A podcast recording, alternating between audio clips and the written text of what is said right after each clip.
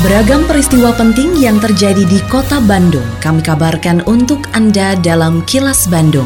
Diproduksi oleh LPS PR SSNI Bandung bekerja sama dengan Humas Pemkot Bandung yang disiarkan serentak oleh 40 radio anggota PR SSNI Bandung.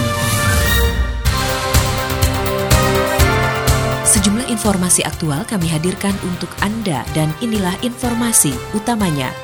Sejumlah taman di kota Bandung akan ditutup untuk hindari kerumunan.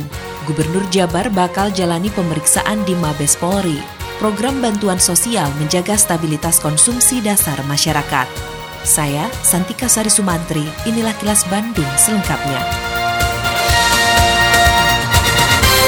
Sekretaris Daerah Kota Bandung Emma Sumarna kembali mengatakan akan mengusulkan kepada Wali Kota Bandung mengenai ditutupnya sejumlah taman dan ruang publik di Kota Bandung. Penutupan dilakukan sebagai upaya mencegah penyebaran COVID-19 di Kota Bandung. Dalam acara ngobrol perihal Bandung atau Ngopi Bandung, Emma mengimbau masyarakat untuk tidak melakukan aktivitas di taman-taman kota, juga ruang publik yang ada di Kota Bandung. Selain itu, aparat kewilayahan seperti camat dan lurah diminta lebih masif menyosialisasikan penerapan protokol kesehatan dan penanganan masalah COVID-19.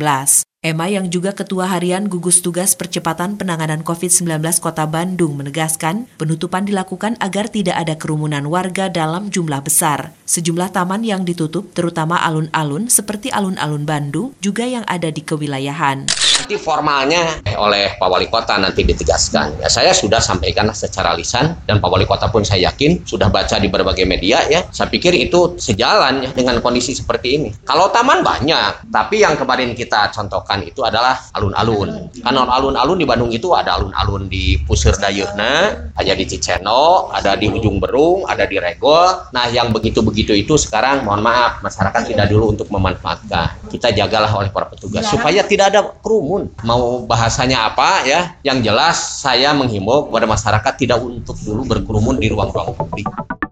Wakil Wali Kota Bandung Yana Mulyana mengatakan, melalui ngobrol perihal Bandung atau ngopi Bandung, ia bisa menyerap berbagai persoalan yang ada secara langsung dari masyarakat, terutama masalah pandemi COVID-19 yang telah melanda di Kota Bandung saat ini. Menurutnya kegiatan Ngopi Bandung menjadi salah satu upaya dari pemerintah Kota Bandung untuk berdiskusi dengan masyarakat sekaligus menyosialisasikan sejumlah program pemerintah yang sudah dilakukan dalam mengatasi pandemi COVID-19.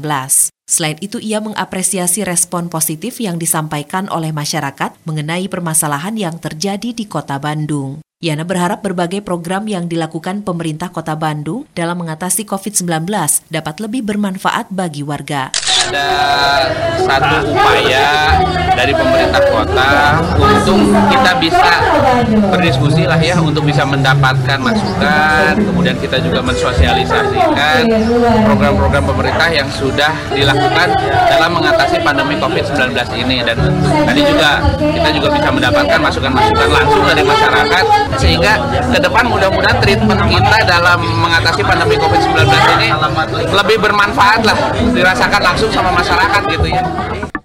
Sebagai warisan budaya tak benda oleh Perserikatan Bangsa-Bangsa atau PBB, alat musik angklung harus tetap dijaga keberlangsungannya. Untuk itulah pemerintah Kota Bandung melalui Dinas Kebudayaan dan Pariwisata terus mendukung berbagai kegiatan yang dilakukan dalam upaya pelestarian angklung. Kepala Dinas Kebudayaan dan Pariwisata Kota Bandung, Kenny Dewi Kaniasari mengatakan pihaknya membantu Saung Angklung Ujo untuk menggelar peringatan Hari Angklung sedunia. Menurut Kenny, upaya ini dilakukan untuk terus menghidupkan angklung sebagai warisan budaya tak benda yang ditetapkan oleh Badan Dunia untuk Pendidikan Keilmuan dan Kebudayaan atau UNESCO pada 16 November 2010 lalu.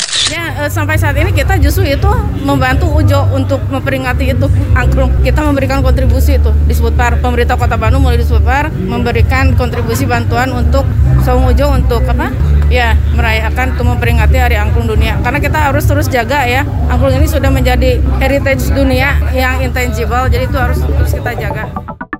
Jika tidak ada aral melintang, rencananya Baris Krim Mabes Polri pada Jumat ini bakal memeriksa dan meminta klarifikasi Gubernur Jawa Barat Ridwan Kamil terkait kerumunan massa di kawasan Megamendung Kabupaten Bogor beberapa waktu lalu. Kabid Humas Polda Jabar Komisaris Besar Polisi Erdi Caniago mengatakan, pemeriksaan atau klarifikasi terhadap Gubernur Jawa Barat tersebut dilakukan oleh tim gabungan yang terdiri dari Direskrimum Polda Jabar dan penyidik dari Direktorat Tindak Pidana Umum Mabes Polri. Menurut Erdi, pada hari yang sama, penyidik dari Polda Jabar bakal melakukan pemanggilan dan pemeriksaan terhadap para pejabat pemerintah daerah Kabupaten Bogor hingga ke tingkat kepala desa untuk kasus yang sama. Pemanggilan yang bersangkutan untuk dimintakan klarifikasi itu nanti di Baris Krim Mabes Polri. Dan hari Jumat itu pula ada beberapa pejabat pemerintahan setempat dalam artian di Kabupaten Bogor itu dilakukan pemeriksaan untuk klarifikasi juga di Direktorat Kriminal Umum Polda Jabar. Pejabat pemerintah setempat kita mintakan klarifikasinya. Mungkin izinnya, kemudian bagaimana satuan tugas gugus COVID-nya, apakah memonitor atau tidak, sampai ke pejabat yang terendah, RT, RW, bahkan Babin Kamtipmas itu akan kita minta keterangan.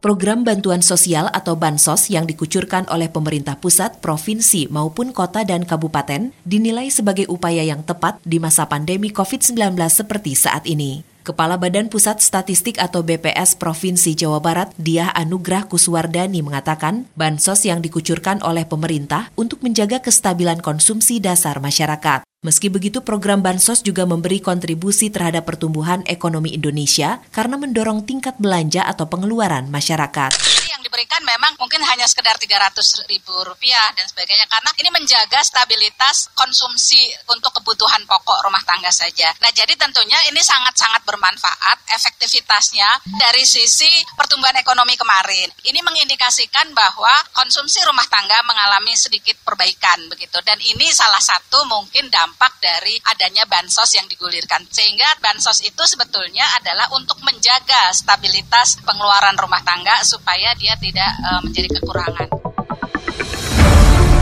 Kini, audio podcast siaran Kilas Bandung dan berbagai informasi menarik lainnya bisa Anda akses di laman kilasbandungnews.com.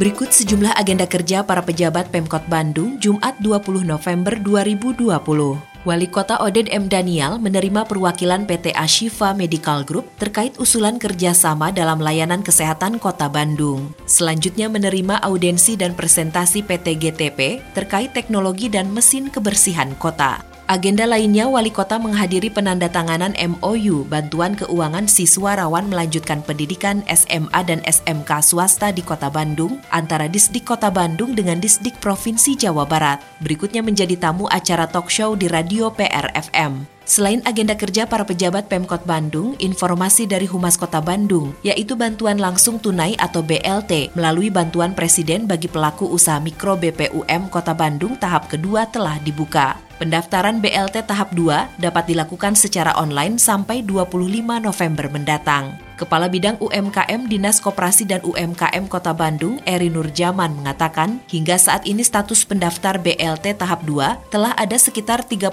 ribu pendaftar. BLT melalui BPUM berupa hibah sebesar 2,4 juta rupiah ditujukan untuk UMKM yang digolongkan ke dalam usaha mikro dengan pendapatan kurang dari 300 juta rupiah dalam setahun. Meski begitu, para pendaftar yang telah terdata di dalam database untuk menerima BLT tahap 1 tidak dapat mendaftar kembali di tahap 2. Demikian agenda kerja para pejabat Pemkot Bandung dan info aktual yang diterima redaksi LPS PRSSNI Bandung dari Humas Pemkot Bandung.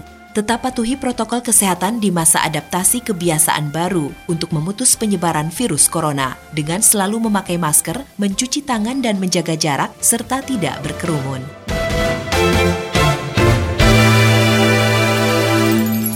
Terima kasih Anda telah menyimak Kilas Bandung bekerja sama dengan Humas Pemerintah Kota Bandung yang diproduksi oleh LPS PRSSNI Bandung.